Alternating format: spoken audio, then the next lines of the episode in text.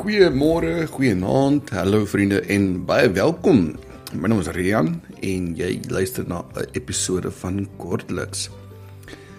Nou so paar jaar terug, toe ek teologie begin swat het, het ek en my pa nogal baie in met 'n stryery of twis van woorde betrokke geraak. Ons het baie keer bietjie vasgehaak waar ek gepraat het oor dinge wat ek onlangs geleer het en dinge in die Bybelverse, sieninge, konteks, eksegese ensovoorts.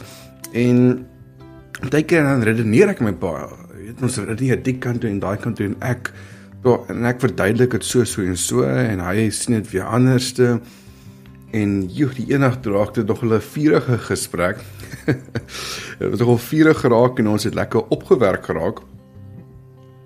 En hier aan die einde ek kyk my pa so en ek vra vir hom wat bedoel jy by hierdie woord? Hierdie ding wat ons oorstry, wat verstaan jy by hierdie woord? Weet definieer dit vir my. En hy sê wat dit beteken wat hy daarmee bedoel. En net op besef ek maar ons praat eintlik van twee verskillende goed. Ons gebruik dieselfde woorde, maar wanneer ek hierdie woord of hierdie konsep sê, dan het ek een manier verstaan en hy het 'n ander manier. Hoe hy daaroor dink en ek oor dink verskil want ons definisie van die woord verskil. En dit is net daar asof die Here vir ons is of die Here vir ons 'n oomblik van helderheid gee. En ek sê vir Paul, wanneer ek hierdie woord sê, dan verstaan ek hierdie in die, bete die betekenis of in hierdie konteks het hierdie woord hierdie betekenis. En dit is waarvan ek praat wanneer ons na die verse en goed. My pa kyk my so en soos ja. In daai geval stem ek saam met jou. en ons het so lekker warm onder die kraag geraak omdat ons nie kon saamstem nie. Ons so geredeneer het, maar net eintlik omdat ons ehm um, nie vooraf die konsep of die woord of die sin of die frase gedefinieer het nie. En dit is baie belangrik en ek het daarso 'n groot les geleer uh, dat wanneer ek met mense praat oor 'n konsep of 'n gedagte of 'n vers of 'n woord, dan vra ek hulle wat bedoel jy by hierdie woord? Wat beteken dit vir jou? Wat verstaan jy? Ehm um, weet van die woord. Sodat ons vir dieselfde blaadjie, sodat ons op dieselfde blaadjie is, sodat ons dieselfde vertrekpunt af kan redeneer. En ek weet nie of jy al so iets beleef het nie, ek weet nie of jy al ehm um, weet ook in so 'n stryde of 'n argument betrokke was, net om te besef maar eintlik stem jy saam, sê jy dieselfde ding. En, en ek dink baie keer is dit baie keer ook so as ons mense praat en vra hulle maar wie is Jesus vir jou? Wie is Jesus vir jou? Is hy net 'n goeie leermeester? Is hy net 'n profeet? Is hy jou Here? En as jy sê hy is Here, wat beteken Here? Wat beteken dit vir jou? Um erken jy hom as seun van God, maar jy dien hom nie. Ehm um, glo jy in hom of dink jy hy's 'n 'n mooi storie, weet 'n goeie 'n goeie uh, verhaal?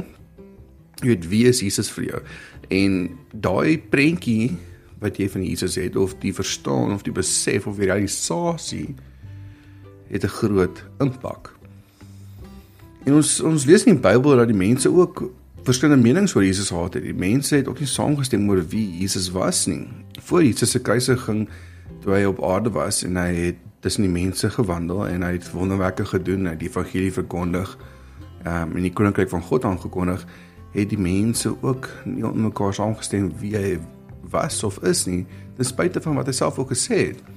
Ons lees in Markus 6, Markus 4:5 en 6 so baie ehm um, wonderwerke wat die Here doen In vers 14, Markus 6:14 lees ons hierso dat koning Herodes, koning Herodes het van Jesus gehoor want sy naam het bekend geraak. Party mense het gesê Johannes die Doper is dood opgewek, daarom werk die kragte in hom. Ander mense het gesê nee, dit is Elia. En ander het weer gesê hy is 'n profeet, soos een van die ou profete. En Herodes het hoor toe sê maar Johannes wat ek ontdoof het is uit die dood uit opgewek.